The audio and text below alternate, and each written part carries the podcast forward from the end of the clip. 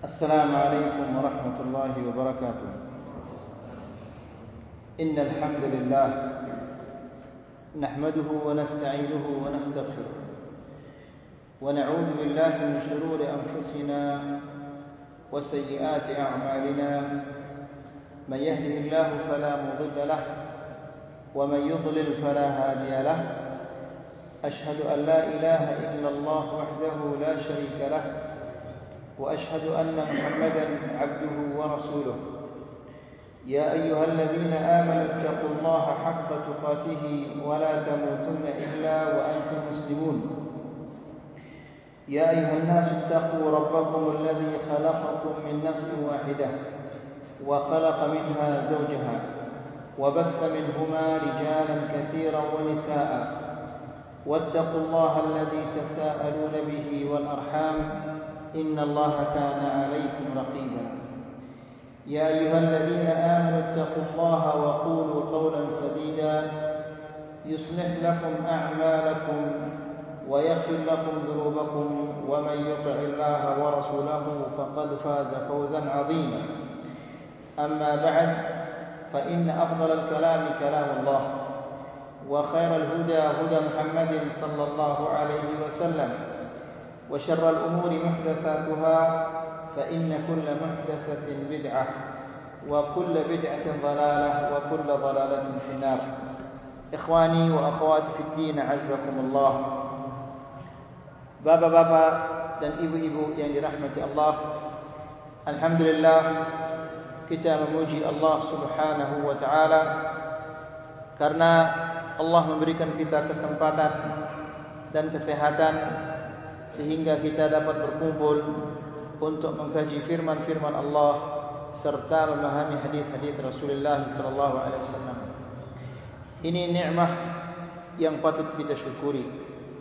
Di mana begitu banyak kaum muslimin diberikan oleh Allah Subhanahu wa taala kesempatan dan kesehatan namun mereka tidak berkumpul di masjid untuk mendengar ayat-ayat Allah untuk mendengar hadis-hadis Rasulullah sallallahu alaihi wasallam maka kita yang duduk di malam hari ini di masjid ini untuk mendengar pelajaran-pelajaran atau ayat-ayat Allah hadis Rasulullah sallallahu alaihi wasallam hendaklah kita mensyukuri nikmat Allah yang luar biasa ini. Ikhwani fi din azzakumullah bapak-bapak dan ibu-ibu yang dirahmati Allah pada pertemuan yang sudah lewat kita menyampaikan tentang kesepakatan Al-Hudaybiyah.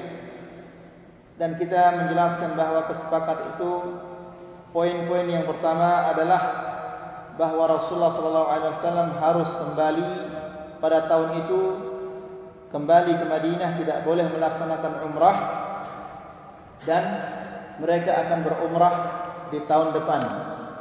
Kemudian poin yang kedua adalah peperangan dihentikan antara dua belah pihak selama 10 tahun. Kemudian yang ketiga adalah barang siapa yang ingin masuk dalam perlindungan Quraisy dia boleh masuk. Barang siapa yang ingin masuk di bawah perlindungan orang muslimin dia boleh masuk. Kemudian poin yang keempat Barang siapa yang meminta perlindungan dari orang Quraisy ke orang Madinah atau ke Rasulullah sallallahu alaihi wasallam, maka orang-orang Islam atau Rasulullah sallallahu alaihi wasallam harus mengembalikannya ke Quraisy. Adapun orang-orang adapun orang Madinah atau orang muslim yang datang ke Makkah untuk minta perlindungan kepada orang Quraisy, maka Quraisy tidak perlu mengembalikannya ke Madinah. Jadi perjanjian ini seolah-olah dia berat sebelah. Kemudian kita juga menjelaskan di saat Rasulullah SAW sedang menulis perjanjian itu datanglah seseorang yang bernama Abu Jandal lalu dia minta untuk bergabung dan ikut bersama Rasulullah SAW namun Rasulullah SAW menolak. Kemudian kita juga menyampaikan bagaimana Rasulullah SAW melepas atau tahallul dari umrahnya itu yaitu dengan cara menyembelih binatang-binatang hadi yang dibawa kemudian mencukur rambutnya. Demikian juga yang dilaksanakan oleh sahabat-sahabatnya atau langsung mereka ikuti apa yang dilaksanakan oleh Rasulullah sallallahu alaihi wasallam. Setelah itu setelah perjanjian ini selesai ditulis maka datanglah beberapa wanita yang beriman lalu orang tua-orang tua mereka yang masih kafir meminta agar dikembalikan ke Mekah namun Rasulullah sallallahu alaihi wasallam menolak dengan alasan bahawa mereka ini tidak termasuk di dalam perjanjian. Sampai di sana pengajian kita. Sekarang kita lanjutkan dukhulu Khuza'ah fi ahdi al-muslimin. Masuknya suku Khuza'ah di dalam perjanjian bersama kaum muslimin. Pada pertemuan yang sudah lewat, kita menjelaskan bahawa suku Khuza'ah ini adalah salah satu suku yang loyal dengan Rasulullah sallallahu alaihi wasallam. Waqtarat Khuza'ah an yakunu ma'a Rasulullah sallallahu alaihi wasallam fi hadhihi al-mithaq. Suku Khuza'ah mereka memilih untuk masuk dalam perjanjian ini untuk bergabung dengan Rasulullah sallallahu alaihi wasallam. Fadakhalu fi 'ahdihi lalu mereka masuk di dalam perlindungan Rasulullah sallallahu alaihi wasallam. Waqad kanu hulafa'a Bani Hashim min zaman al-jahiliyah. Suku Khuza'ah ini mereka adalah punya janji setia bersama Bani Hashim pada masa jahiliyah dahulu. Wa dakhalat Banu Bakar fi ahdi Quraisy. Adapun Banu Bakar suku Bani Bakar ini mereka bergabung dengan orang-orang Quraisy. Fakanu humus sababu fi fathi Makkah. Maka merekalah Banu Bakar ini sebab terjadinya penaklukan kota Makkah yang insya Allah kita akan ketahui di uh, kajian-kajian berikutnya. Kemudian halu qadiyatil mustad'afin. Solusi tentang orang-orang yang lemah yang masih berada di kota Mekah. Kita sampaikan bahawa di Mekah itu masih ada orang-orang yang lemah yang tidak mampu hijrah ke Madinah. Amma muslimun al-mu'adzabun fi Makkah. Adapun orang-orang Islam yang tertindas dan disiksa di kota Mekah Fanfalata minhum rajulun ismuhu Abu Basir. Ada salah seorang di antara mereka yang namanya Abu Basir infalat. Dia berhasil kabur. Wajah ila Madinah. Kabur dan datang ke Madinah. Fa'arsalat Quraisy rajulani ila Nabi sallallahu alaihi wasallam liyaruddahu. Quraisy mengutus dua orang untuk minta kepada Rasulullah SAW agar orang ini dikembalikan lagi ke Mekah sebagaimana perjanjiannya. Apabila ada orang dari Mekah yang minta perlindungan ke Madinah, maka orang Madinah harus mengembalikannya. Maka orang Quraisy mengutus dua orang agar Abu Basir ini dikembalikan ke Mekah. Falamma nazala faraddahu Lalu Rasulullah sallallahu alaihi wasallam mengembalikannya bersama dua orang ini. Falamma nazala bin al-Hulaifah Ketika mereka sampai ke Dhul Hulaifah sekarang Abu Bakar ini bersama dua orang ini mau kembali ke Mekah karena Rasulullah sallallahu alaihi wasallam mengembalikannya sesuai dengan perjanjiannya. Dibawalah dia orang ini bersama dua orang itu ketika mereka sampai di Dhul Hulaifah, sebuah tempat namanya Dhul Hulaifah, ya, di mana orang yang mau umrah atau orang yang mau berhaji, mereka berihram dari tempat ini. Sampai di Dhul Hulaifah, katalah Abu Basir ahaduhum. Ketika sampai di Dhul Hulaifah, Abu Basir membunuh salah satu utusan Quraisy ini. Wa farra al-akhar hatta intaha ila Nabi sallallahu alaihi wasallam. Dan yang satu lagi kabur berhasil dia kabur, dia lari sampailah dia kepada Rasulullah sallallahu alaihi wasallam. Dan dia mengatakan, "Qutila sahibi wa inni la maqtul." Teman saya telah dibunuh dan saya pasti akan dibunuh juga oleh Abu Basir ini. Wajah Abu Basir. Lalu tidak lama kemudian datang Abu Basir ini. Fazajarahu Nabi sallallahu alaihi wasallam. Lalu ditolak oleh Rasulullah sallallahu alaihi wasallam fa'arafa annahu sayaruddahu ilaihim. Maka begitu kedatangannya ini ditolak tidak diterima oleh Rasulullah sallallahu alaihi wasallam, dia menyadari bahawa dia ini akan dikembalikan lagi ke Mekah.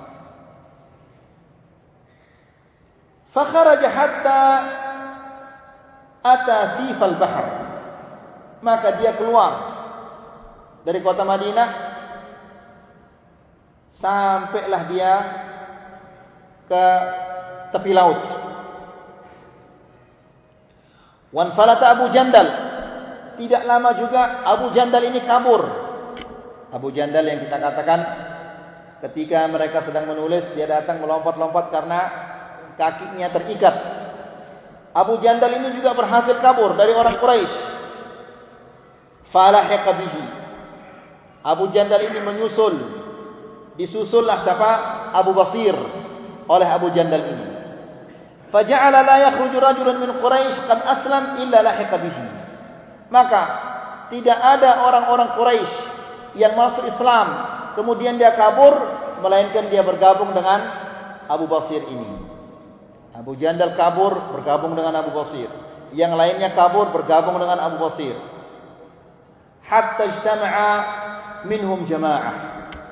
Sehingga jumlah mereka menjadi banyak orang-orang Islam yang kabur ya mereka mau kabur ke Madinah tidak berani karena kalau mereka kabur ke Madinah mereka akan dikembalikan lagi oleh Rasulullah sallallahu alaihi wasallam maka mereka kabur dan bergabung dengan Abu Basir di tepi pantai ta'tarudu kull 'irin li quraish takhruju ila syam setelah mereka banyak lalu mereka mencegat semua kafilah Quraisy yang akan berniaga ke negeri Syam itu dicegat oleh mereka dan dirampok.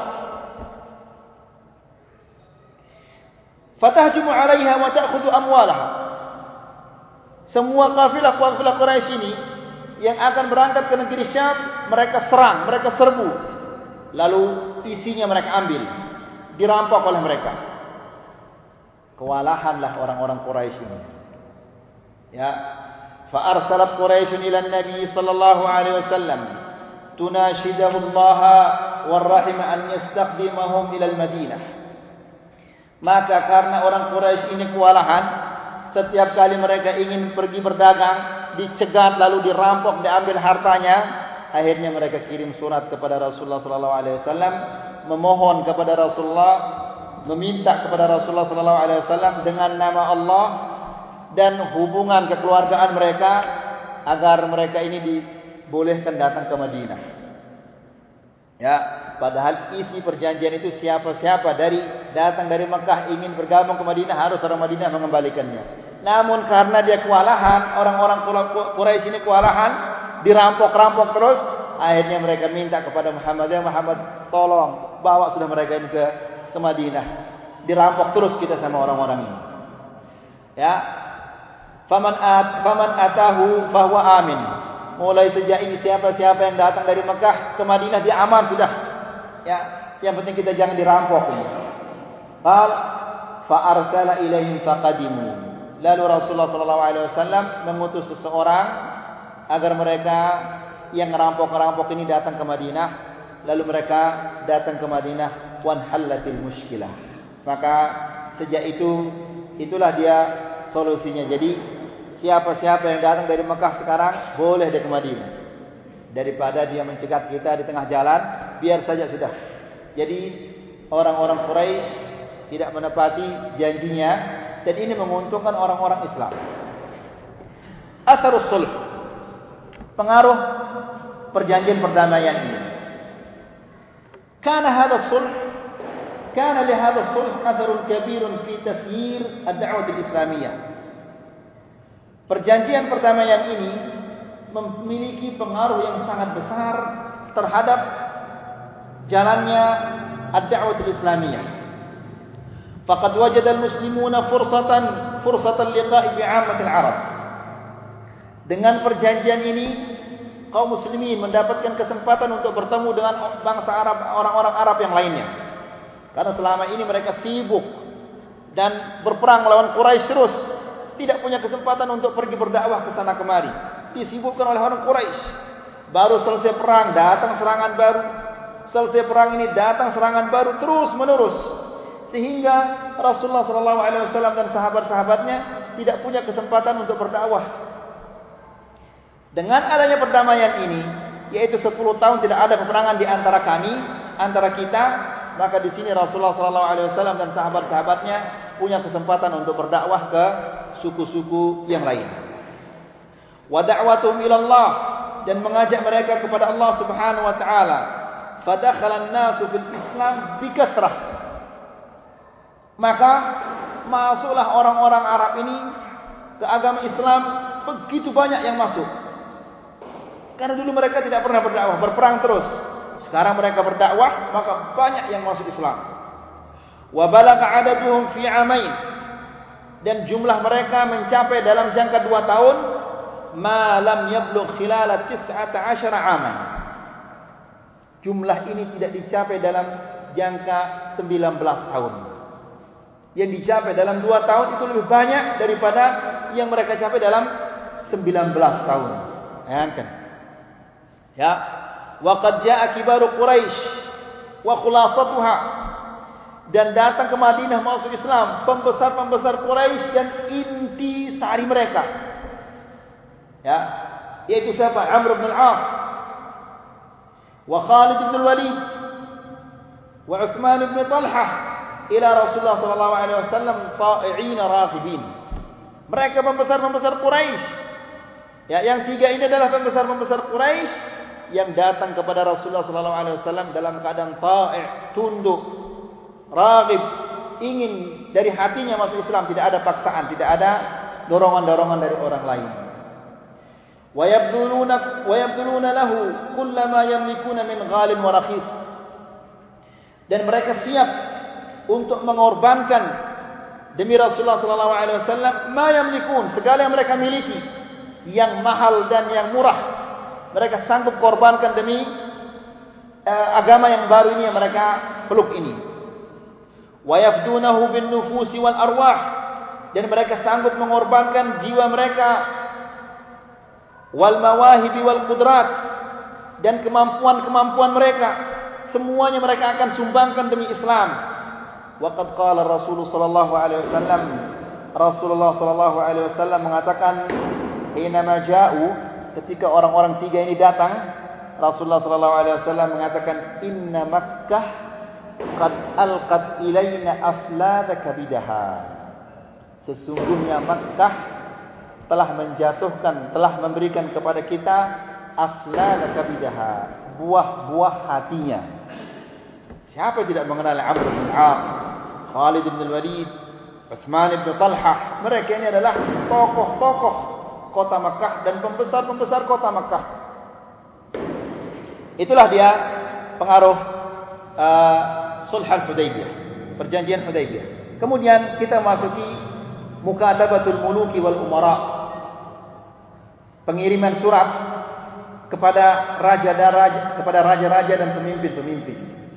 Jadi ini juga termasuk keuntungan yang didapati oleh Rasulullah wasallam dari perjanjian Hudaybiyah ini dia mendapatkan kesempatan untuk menyurati para raja dan pembesar-pembesar. Walamma 'ada Rasulullah sallallahu alaihi wasallam min umratul Hudaybiyah.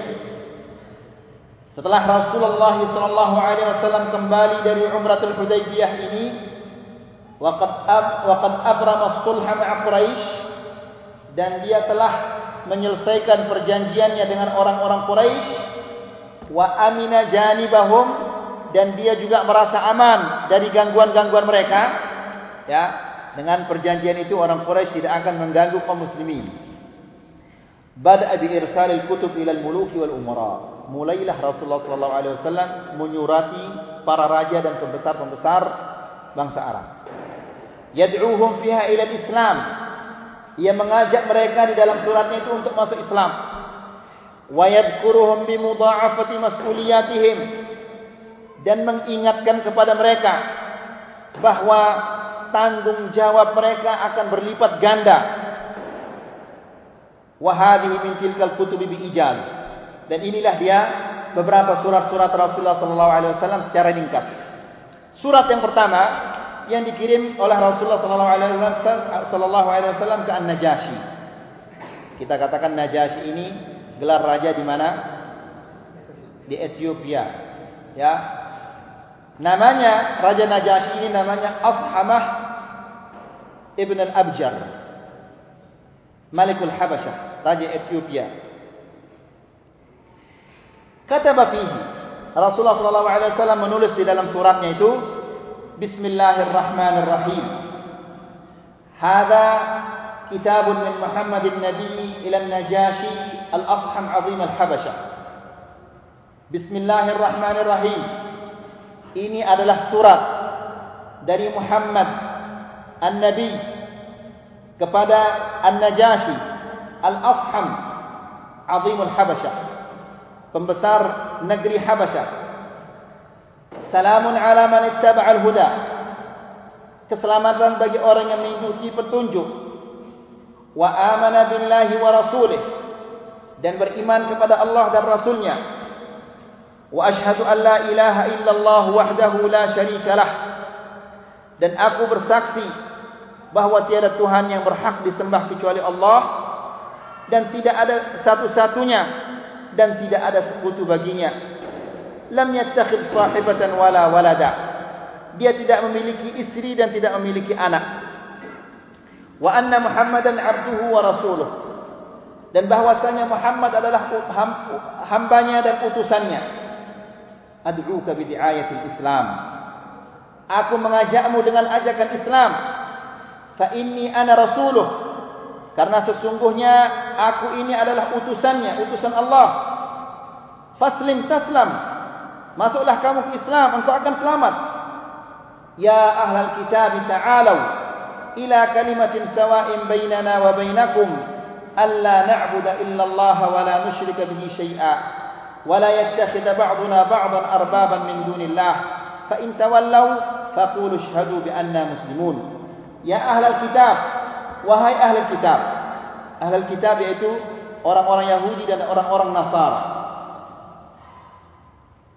Marilah kita berpegang kepada satu kalimat. Sawa'un bainana wa bainakum. Satu kalimat, satu ketetapan yang tidak ada perselisihan di antara kita. Bahwa tiada Tuhan alla na'budu illallah. Kita tidak akan menyembah selain Allah wala nusyrika bihi syai'a dan tidak menyekutukannya dengan sesuatu apapun. Wala yattakhidha ba'duna ba'dan arbaban min dunillah. Tidak pula sebagian kita menjadikan yang lain sebagai Tuhan selain Allah Subhanahu wa taala.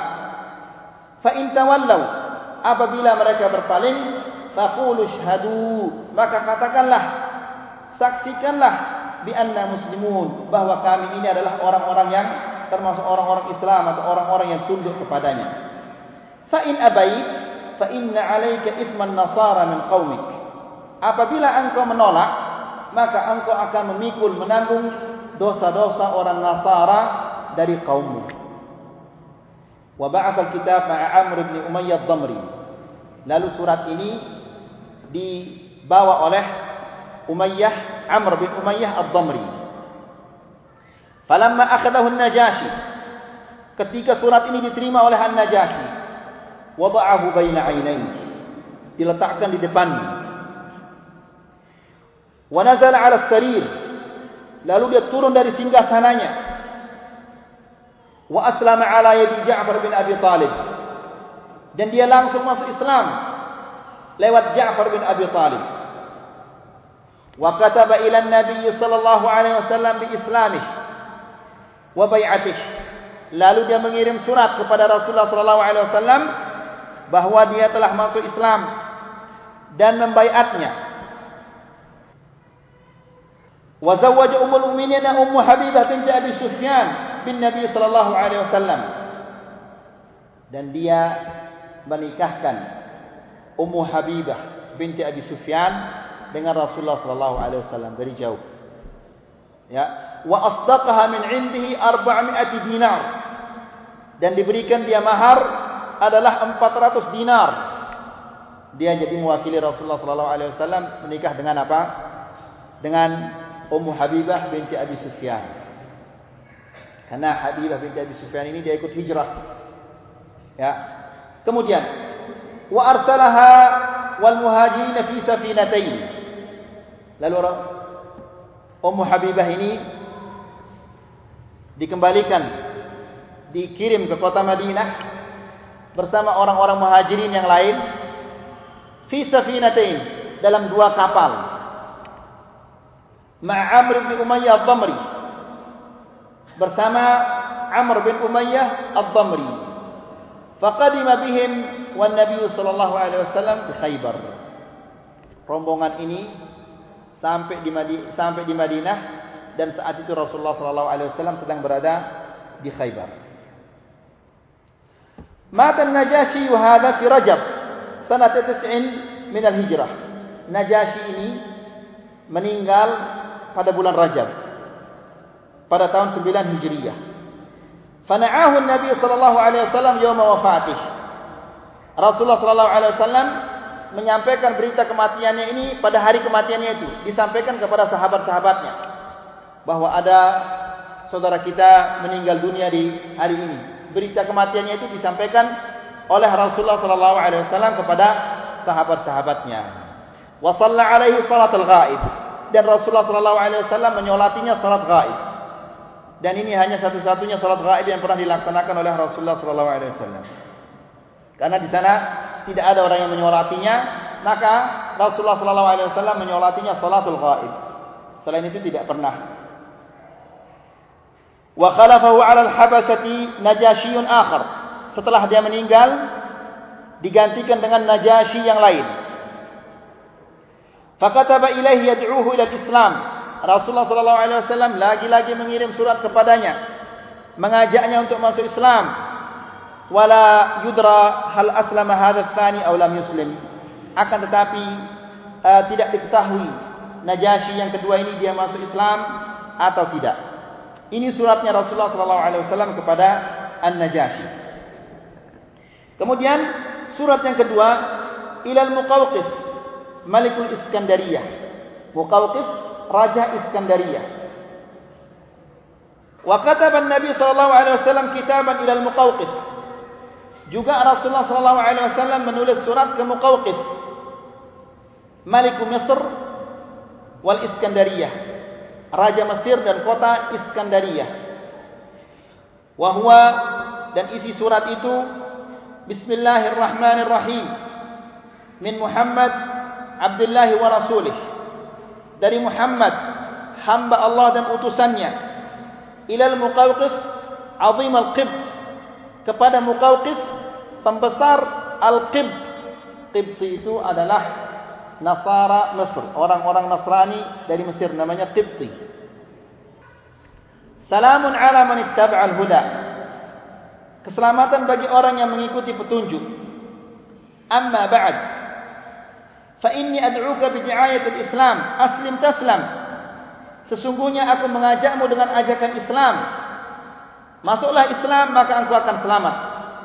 Aslim yu'tika Allahu ajraka marratayn masuklah Islam maka Allah akan memberimu pahala dua kali. Fa in tawallaita fa inna 'alaika ithma ahli al-qibt jika engkau berpaling tidak mau masuk Islam maka engkau akan memikul dosa-dosa ahli al-qibt orang-orang Kristen orang-orang Nasara di kota Mesir. Ya ahli al-kitab ila kalimatin sawa'in bainana wa bainakum alla na'budu illa Allah wa la nusyrika bihi syai'a. Wahai ahlul kitab mari kita berpegang dengan satu kalimat satu ketetapan satu ketetapan yang tidak ada perselisihan di antara kita. Alla na'budu illa Allah kita tidak akan menyembah kecuali Allah. Wa la nusyrika bihi syai'a dan kita tidak menyekutukannya dengan sesuatu apapun. Wala yattakhidha ba'duna ba'dan arbaban min dunillah. Tidak pula sebagian kita menjadikan sebagian yang lain sebagai Tuhan selain Allah Subhanahu wa taala. Fa in tawallau faqulu asyhadu bi anna muslimun. Jika mereka berpaling, maka katakanlah, saksikanlah bahwa kami ini adalah orang-orang muslimin. Wa ba'atha al-kitab ma'a Hatib bin Abi Balta'ah. Dan surat ini uh, dikirim bersama Hatib bin Abi Balta'ah. Fakallamahu Hatib wa ablaghahu al-kitab. Lalu Hatib ini mengajaknya berbicara dan disampaikan kepadanya suratnya Rasulullah sallallahu alaihi wasallam. Fa akramahu al-Muqawqis. Lalu dimuliakanlah dia oleh al-Muqawqis, raja Mesir ini. Dimuliakan pembawa surat ini. Wada'a al-kitaba fi huqqin fi huqqi 'aj. Lalu suratnya Rasulullah itu dimasukkan ke dalam kaleng yang terbuat dari gading. Atau kotak yang terbuat dari gading. Wa khatama alaihi. Lalu disegel ditutup. Wahtafadha bihi. Dan disimpan. Wa kataba ila nabi sallallahu alaihi wasallam yuqirru fihi bi annahu nabiyyun bi anna nabiyyan qad baqi kemudian dia mengirim surat membalas suratnya Rasulullah sallallahu alaihi wasallam Isi suratnya itu bahwa dia mengakui bahwa ada nabi yang tersisa. Wa kuntu adhunnu annahu yakhruju bisyam. Akan tetapi saya mengira bahwa nabi yang tersisa itu akan keluar, akan muncul di negeri Syam. Walakinnahu lam yuslim. Akan tetapi dia tidak masuk Islam. Wa ahda jariyatain. Kemudian dia memberikan hadiah kepada Rasulullah sallallahu alaihi wasallam berupa dua budak sahaya yaitu Maryah Al-Qibtiyah dan Sirin. Ya. Wa kana lahumā fil Qibti makanun 'azim. Kedua budak sahaya ini adalah memiliki kedudukan di bangsa Al-Qibt atau mereka adalah orang-orang yang terpandang dari bangsa Al-Qibt wa ahda kiswah wa baglah ismuha daldal. Juga dia berikan Rasulullah sallallahu alaihi wasallam hadiah berupa kiswah yakni kain. Dan baglah. Hemar apa? Keldai betina namanya daldal nama keldai ini nama baglah ini fakhtara nabi sallallahu alaihi wasallam mariya li nafsihi Rasulullah SAW mengambil Maria ini. Salah satu di antara budak ini, budak sahaya ini diambil oleh Rasulullah SAW yang bernama Maria. Juga wal baglah, baglah ini juga diambil oleh Rasulullah SAW. Baglah ini adalah perkawinan antara keldai dan dan kuda. Apa nama bahasa Indonesia? Enggak tahu, saya enggak tahu bahasa Indonesia-nya. Baglah itu perkawinan antara keldai dan kuda namanya baqlah ya jadi Rasulullah SAW mengambil salah satu budak sahaya ini yaitu Maria juga yang diambil oleh Rasulullah SAW baqlah ini wa wahaba Sirin li Hassan bin Thabit lalu Sirin itu diberikan kepada Hassan bin Thabit radhiyallahu taala anhu. Kemudian surat yang ketiga adalah yang dikirim kepada Kisra Abrowais Malik Malik Faris Raja Persia. Kataba ilaihi Suratnya Rasulullah sallallahu alaihi wasallam sebagai berikut. Bismillahirrahmanirrahim Min Muhammadin Rasulullah ila Kisra Azim Faris. Dari Muhammad utusan Allah kepada Kisra Azim Faris pembesar Faris. Salamun ala man ittaba'al huda. keselamatan bagi orang yang mengikuti petunjuk. Wa amana billahi wa rasulih. Dan beriman kepada Allah dan rasulnya. Wa syahida an la ilaha illallah wahdahu la syarikalah dan dia bersaksi bahawa tiada tuhan yang berhak disembah kecuali Allah dan tidak ada sekutu baginya. Wa anna muhammadan abduhu wa rasuluh. Dan bahwasanya Muhammad adalah hambanya dan putusannya ad'uka bi ayatillah aku mengajakmu dengan ajakan Allah. Fa inni ana rasulullah ila nasi kafah. Karena sesungguhnya aku adalah utusan Allah kepada seluruh manusia liyundira man kana hayyan wa yahiqqal qawlu 'ala al-kafirin agar ia beri peringatan yaitu Muhammad sallallahu alaihi wasallam agar ia beri peringatan man kana hayyan kepada orang-orang yang masih hidup. Anehnya, ayat ini dibaca ketika orang yasinan untuk orang mati. Padahal isinya liundira man kana hayyan, peringatan bagi orang yang hidup, tapi dibacakan untuk orang mati. Kan kebalik ini. Ya. Itulah kejahilan. Ya, di dalam ayat yang yang mereka baca ketika mereka yasinan ada ayat ini, liundira man kana hayyan agar ia beri peringatan kepada orang yang masih hidup. Tapi mereka bacakan kepada orang yang mati. Bagaimana ini? Ya. Liundira man kana hayyan agar ia berikan peringatan kepada orang yang masih hidup. Wa yahiqqal qaul dan ketetapan adab kepada orang-orang kafir. Fa aslim taslam. Masuklah Islam maka engkau akan selamat. Fa in abait apabila engkau tidak mau fa inna ismal majusi alaik. Karena engkau akan memikul dosa-dosanya al-majus, penyembah-penyembah api. Wa ba'atha al-kitaba ma'a Abdullah bin Hudzaf as-Sahmi. Dan Rasulullah sallallahu alaihi wasallam memerintahkan Abdullah bin Hudzaf as-Sahmi untuk membawa surat ini kepada Kisra. Wa amarahu an yadfa'uhu ila 'azim al-Bahrain. Dan Rasulullah sallallahu alaihi wasallam memerintahkan agar surat ini diberikan kepada Raja Bahrain. Liyadfa'uhu 'azim al-Bahrain ila Kisra. Agar Raja Bahrain itu memberikannya kepada Kisra. Falamma quri'a alaihi al-kitab mazzaqah. Begitu dia dibacakan surat ini, suratnya Rasulullah sallallahu alaihi wasallam langsung diambil dan disobek-sobek surat ini. Lalu dia mengatakan, "Abdun haqirun min ra'iyyati yaktubu ismahu qabli." Budak yang rendah dari salah satu rakyatku berani-beraninya menulis namanya terlebih dahulu dari sebelum namaku.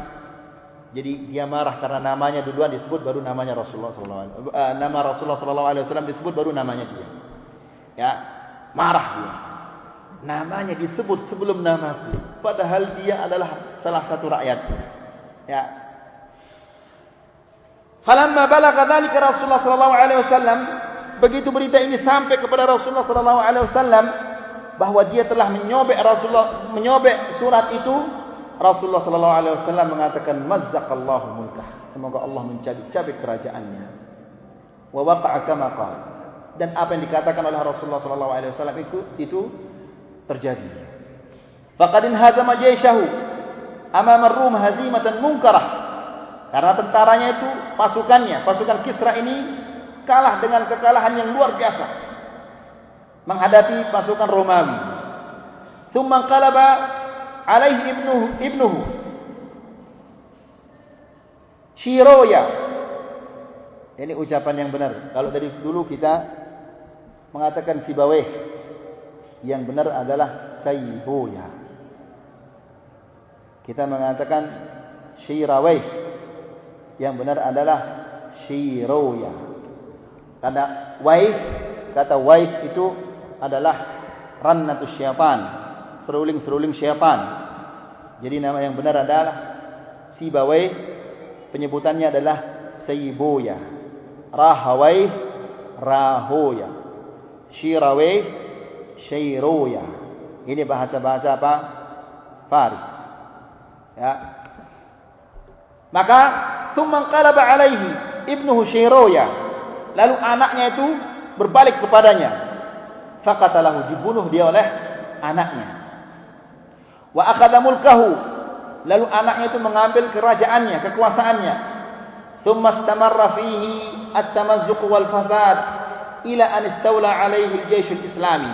Maka kerajaannya itu terus menerus kehancuran itu terus menerus dalam kerajaan ini dan kerusakan itu terus menerus dalam kerajaan ini sehingga dikuasai oleh pasukan kaum muslimin di zamannya Umar ibn al-Khattab radhiyallahu taala anhu. Oleh karena itu kenapa orang-orang Syiah Rafidhah itu benci kepada Umar ibn al-Khattab radhiyallahu anhu dan mengagungkan pembunuhnya karena Umar ibn al-Khattab radhiyallahu taala anhu arda dialah yang menaklukkan uh, negara-negara orang Faris ini. Thumma lam taqum lahum qa'imah. Setelah itu tidak pernah lagi berdiri kerajaan Faris ini. Hilang. Setelah dikuasai oleh kaum muslimin, ditaklukkan oleh kaum muslimin di zaman Umar bin Al-Khattab radhiyallahu taala anhu wa ardhah. Kemudian surat yang keempat adalah yang dikirim oleh Rasulullah sallallahu alaihi wasallam ke Kaisar Malikur Rum, Raja Romawi.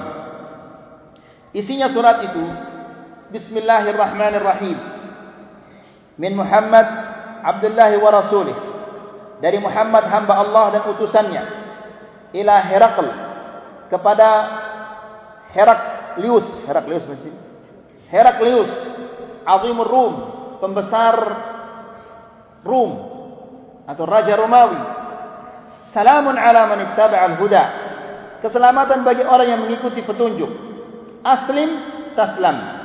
Masuklah engkau Islam maka engkau akan selamat. Aslim yu'tika Allahu ajraka marratain. Masuklah engkau Islam maka Allah akan memberimu pahala dua kali. Fa in tawallaita fa inna 'alaika ithmal arisiyin. Jika engkau berpaling tidak mau masuk Islam maka engkau akan memikul dosanya al-arisiyin. Para ulama berbeda pendapat tentang al-arisiyin ini apa yang dimaksud oleh Rasulullah sallallahu alaihi wasallam al-arisiyin. Pendapat yang paling terkenal dan yang paling benar di masalah ini bahwa al-arisiyin itu adalah al-akkarun, para petani. Ya. Maksudnya adalah jika engkau berpaling maka engkau akan memikul dosa-dosamu. Memikul dosa-dosa rakyatmu. Karena kebanyakannya rakyat-rakyatnya adalah petani-petani dan biasanya petani-petani ini apa kata pemimpinnya mereka ikut saja. Jadi ini pendapat yang pertama dan ini pendapat yang paling benar karena didukung oleh beberapa riwayat yang mengatakan fa inna alaika ismal fallahin. Dosa-dosa para petani. Jadi uh, pendapat yang pertama dan yang paling benar bahwa al-arisiyin itu maksudnya adalah al-akkarun. Al-akkarun yakni petani. Pendapat yang kedua mengatakan bahawa Al-Arisiyin itu adalah Al-Yahud wa Nasara. Atba' Abdullah bin Aris. Pengikut Abdullah bin Aris katanya. Ini pendapat yang kedua. Pendapat yang ketiga. Al-Arisiyin ini maksudnya adalah Al-Mulukul Ladina Yaquduna Nasi dan Madahibil Fasidah. Raja-raja yang mengajak orang kepada uh, madhab-madhab yang salah. Namun yang paling benar dan yang paling terkenal yang didukung oleh riwayat-riwayat riwayat yang lain bahwa al-arisiyin itu adalah yang dimaksud adalah para petani. Ya ahlal kitabi Ya ahlal kitabi ta'alu ila kalimatin sawa'in bainana wa bainakum. Wahai ahlal kitab, mari marilah kita berpegang dengan kalimat yang sama. Kepada satu kalimat, ketetapan yang sama. Sawa'un bainana wa bainakum yang tidak ada perselisihan antara kita antara kami.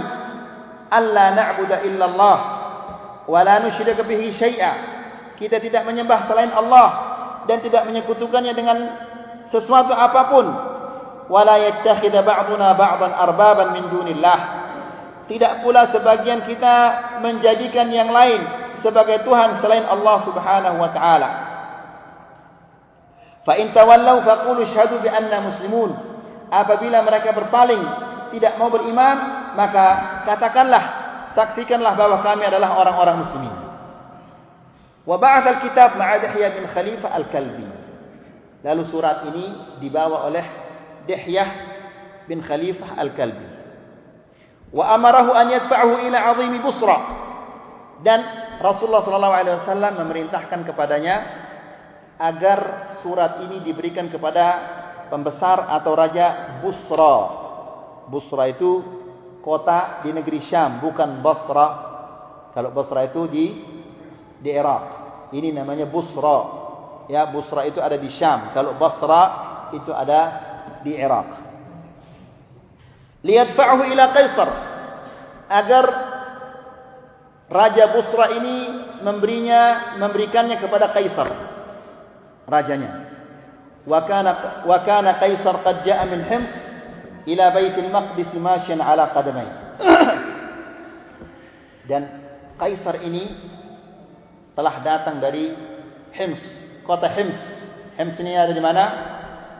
Di Syria yang dibombardir sama uh, la bukan Asad namanya, Bashar al-Himar namanya. Tak cocok namanya Asad. Asad tidak mungkin dia membunuh rakyatnya seperti itu. Namanya Himar. Sekarang orang Arab penting menamakannya Bashar al-Asad. Kalau Asad, Asad itu bagi orang Arab ini nama kebesaran. Tapi mereka mengatakan Bashar al-Himar. Bashar Keldai. Bukan Asad lagi. Dia datang dari Hims ke Palestin, Baitul Maqdis. Masyian, berjalan kaki. Ya. Kenapa? syukran lillahi ta'ala ala ma hasala lahu min al-fath wal intisar ala Furs. Dia berjalan kaki dari Hims ke Palestin ke Baitul Maqdis karena dia bersyukur kepada Allah Subhanahu wa taala karena dia dapat menaklukkan kerajaan Faris. Falamma ja'ahu al-kitab arsala rijalahu liya'tu birajulin min al-Arab ya'rifu an-nabi sallallahu alaihi wasallam begitu surat ini sampai kepadanya, dia menyuruh seseorang jadikan kita orang Arab yang mengenal Nabi ini. Jadikan kita ada orang Arab di sini-sini yang mengenal Nabi ini. Fawajadu Abu Sufyan. Yang mereka temukan siapa? Abu Sufyan ditemukan. Fi rakbin min Quraisy. Abu Sufyan bersama rombongan orang-orang Quraisy. Fa'atau bihim ila Herakal. Lalu dibawalah rombongan ini ke Herakl, ke Heraklius. Fada'ahum Herakl fi majlis. Lalu mereka diundang diajak oleh Heraklius ini ke majlisnya, ke aulanya lah atau ruangannya. Wa haulahu ubama rum Dan di sekitar eh, Heraklius ini pembesar-pembesar Romawi. Fasa'alahum ayyuhum aqrabu ilaihi nasaban. Heraklius ini bertanya, siapa yang paling dekat hubungannya dengan Nabi itu? Fa'akhbaruhu bi'anna Abu Sufyan. Oh ini Abu Sufyan yang paling dekat hubungannya dengan Muhammad sallallahu alaihi wasallam. Fa'adnahu minhu lalu disuruh dia mendekat. Wa ajlasa baqiyatun nasi wara'ah. Dan rombongan-rombongan yang lain itu disuruh duduk di belakangnya, di belakang Abu Sufyan. Wa qala lahum dan Heraklius ini berkata kepada orang-orang yang yang ada di belakangnya Abu Sufyan, "Inni sa'ilun hadza an hadzal rajul."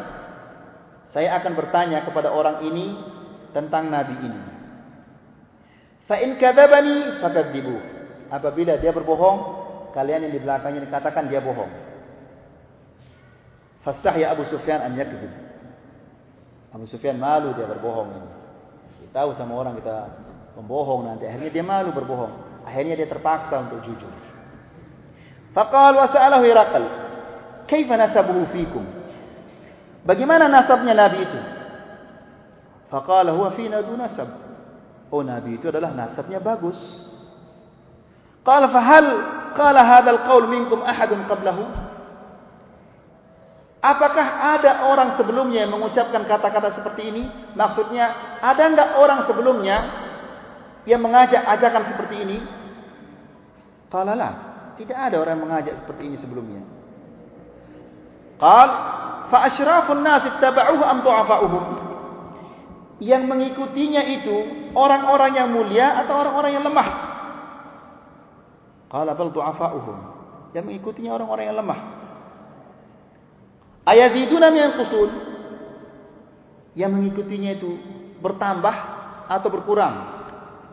Bal yazidun. Dia mengatakan dia bertambah. Fahal yartaddu ahadun minhum saqtatan li dinihi ba'da an yadkhula fihi? Apakah ada yang keluar dari agamanya itu karena membencinya setelah dia masuk? Qala la, tidak ada. Yang masuk Islam itu enggak ada yang mau keluar. Ya.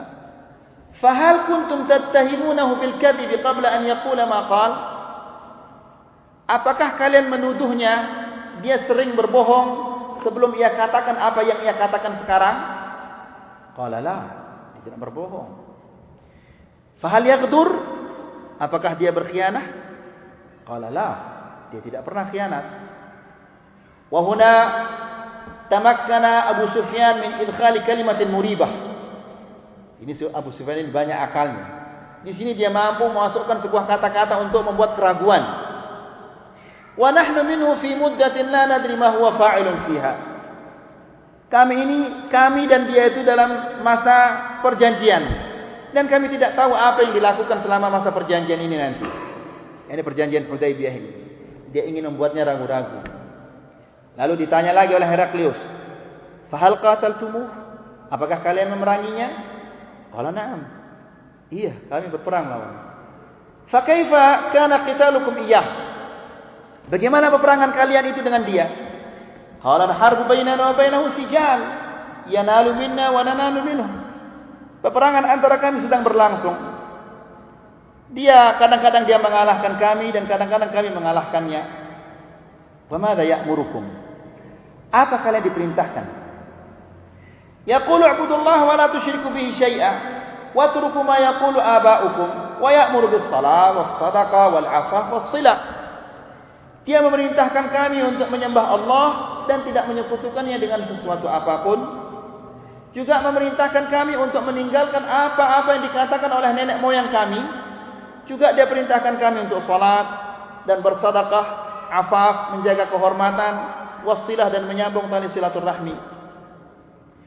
Qala Herakl mu'alliqan ala hadzal hiwar. Lalu sekarang Heraklius ini mengomentari apa yang dikatakan oleh Abu Sufyan. Zakarta annahu fikum dunasab.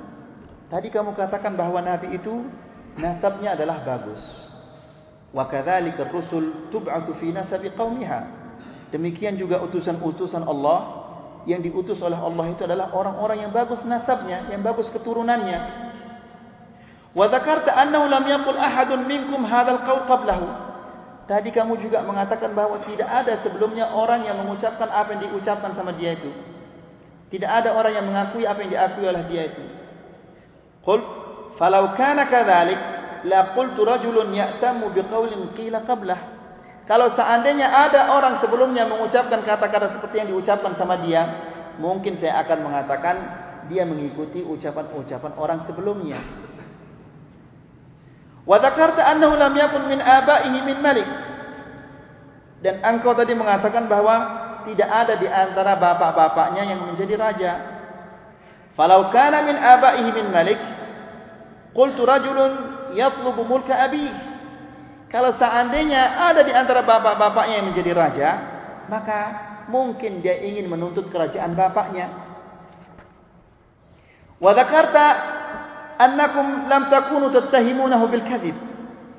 Juga kamu mengatakan bahwa kamu tidak menuduhnya bahwa dia telah pernah berdusta. Fa'araftu annahu lam yakun liyadara al-kadhiba 'ala an-nas wa yakdhibu Allah. Maka saya mengetahui bahwa tidak mungkin dia meninggalkan dusta atas orang-orang lain lalu dia berdusta atas nama Allah. Wa dzakarta anna du'afa an-nas ittaba'uh. Dan kamu juga mengatakan bahwa yang mengikutinya itu adalah orang-orang yang lemah. Wa hum atba'ur rusul. Pengikut-pengikut rasul itu adalah orang-orang yang lemah. Wa dzakarta annahum yazidun. Dan engkau mengatakan bahwa jumlah mereka bertambah-bertambah terus. Wa kadzalikal iman hatta yatim. Demikian demikianlah iman itu sampai dia sempurna. Wa dzakarta annahu la yartaddu minhum ahadun. Dan engkau mengatakan tadi bahwa tidak ada salah seorang di antara mereka yang murtad. Wa kadzalikal iman hina tukhalitu bashashatuhul qulub. Demikian juga iman itu apabila telah bercampur bersatu uh, keindahannya cahayanya bersatu di dalam hati. Wa dzakarta annahu la yaghdur dan engkau menyebutkan bahawa dia tidak pernah berkhianat. Wa kadzalika ar-rusul la yaghdurun demikian juga para rasul mereka tidak berkhianat. Wa dzakarta annahu ya'murukum an ta'budullaha wa la tusyriku bihi syai'a. Dan kamu mengatakan bahawa dia memerintahkan kalian untuk menyembah Allah dan tidak menyekutukannya dengan sesuatu apapun. Wa yanhaakum an ibadatil awsan. Dan dia melarang melarang kalian menyembah berhala-berhala dan memerintahkan kalian untuk salat dan jujur dan menjaga kehormatan. Fa in kana ma taqulu haqqan jika apa yang kamu katakan itu semuanya benar fa sayamliku mawdi'a qadami hatain maka dia akan memiliki kedua tempat kaki saya ini berpijak. Wa qad kuntu a'lamu annahu kharij. Dan saya telah mengetahui bahawa dia akan keluar. Walam akun adhunnuhu minkum. Tapi saya tidak pernah menduga kalau dia itu dari bangsa kalian. Falau anni a'lamu anni akhlasu ilaihi latajashamtu liqa'ah. Jika aku berhasil datang kepadanya. Niscaya aku akan berupaya untuk menemuinya. Walau kuntu indahu la ghasaltu an qadamai. Dan jika saya berada di dekatnya maka saya akan mencuci kedua kakinya. Thumma da'a alkitab fa qara'ah. Lalu dia minta surat itu untuk dibacakan. Faqarah lalu dibaca. Begitu surat ini dibaca, fartafa'atil aswat wa kathuratil laghat. Maka mulai orang teriak-teriak, ramai jadinya istana itu. Dan gaduh jadinya. Fa akhrija Abu Sufyan wa man ma'ah. Lalu karena awal itu sudah ramai dan gaduh, Abu Sufyan ini disuruh keluar. Keluar, keluar. Kamu jangan rombonganmu keluar sudah. Falamma kharaja Abu Sufyan qala li ashabihi. Abu setelah dia keluar Abu Sufyan ini, maka dia mengatakan kepada sahabat-sahabatnya, kepada kawan-kawannya, laqad amira Amr bin Kabsyah. Telah runyam urusan Ibnu Kabsyah ini. Anaknya Abi Kabsyah ini. Masih ingat bapak-bapak Ibnu Abi Kabsyah? Ya, Ibnu Abi Kabsyah ini julukan kepada Rasulullah. Julukan kepada Rasulullah sallallahu alaihi wasallam dan Ibnu Abi Kabsyah ini uh, kakeknya Rasulullah sallallahu alaihi wasallam dari ibunya. Dia dia tinggalkan agama nenek moyangnya sebagaimana Rasulullah sallallahu alaihi wasallam tidak beragama seperti agama nenek moyang moyangnya. Maka Rasulullah sallallahu alaihi wasallam ini dinamakan Ibnu Abi Kabsyah. Abu Sufyan mengatakan sesungguhnya telah runyam urusannya anaknya Abi Kabsyah ini. Yang dimaksud anaknya Abi Kabsyah adalah siapa? Rasulullah sallallahu alaihi wasallam innahu la yakhafu maliku bani asfar. Sesungguhnya dia ditakuti oleh raja berkulit kuning yaitu orang-orang Romawi dikatakan bani asfar. Walam yazal abu sufyan muqinan ba'dahu dhuhura bi dhuhuri amri rasulullah sallallahu alaihi wasallam hatta waffaqahu Allah lil islam. Sejak itu abu sufyan yakin bahwa agamanya Muhammad sallallahu alaihi wasallam ini akan terus menyebar sampai Allah Subhanahu wa taala memberinya hidayah untuk masuk Islam. Mungkin sampai di sini dulu kajian kita. Mudah-mudahan apa yang kita sampaikan ini bisa menambah keimanan kita dan ketakwaan kita kepada Allah. Semoga apa yang kita sampaikan ini bisa menambah kecintaan kita kepada Rasulullah sallallahu alaihi wasallam dan sahabat-sahabatnya. Wa akhiru da'wana alhamdulillahi rabbil alamin. Wassalamu alaikum warahmatullahi wabarakatuh.